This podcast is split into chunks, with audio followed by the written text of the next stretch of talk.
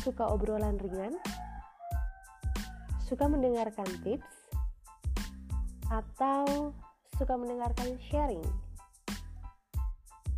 Dalam podcast aku, aku akan bagikan tips, sharing, dan juga obrolan yang sangat ringan yang bakal aku bagikan untuk kalian semua. Jangan lupa untuk selalu mendengarkan podcast aku.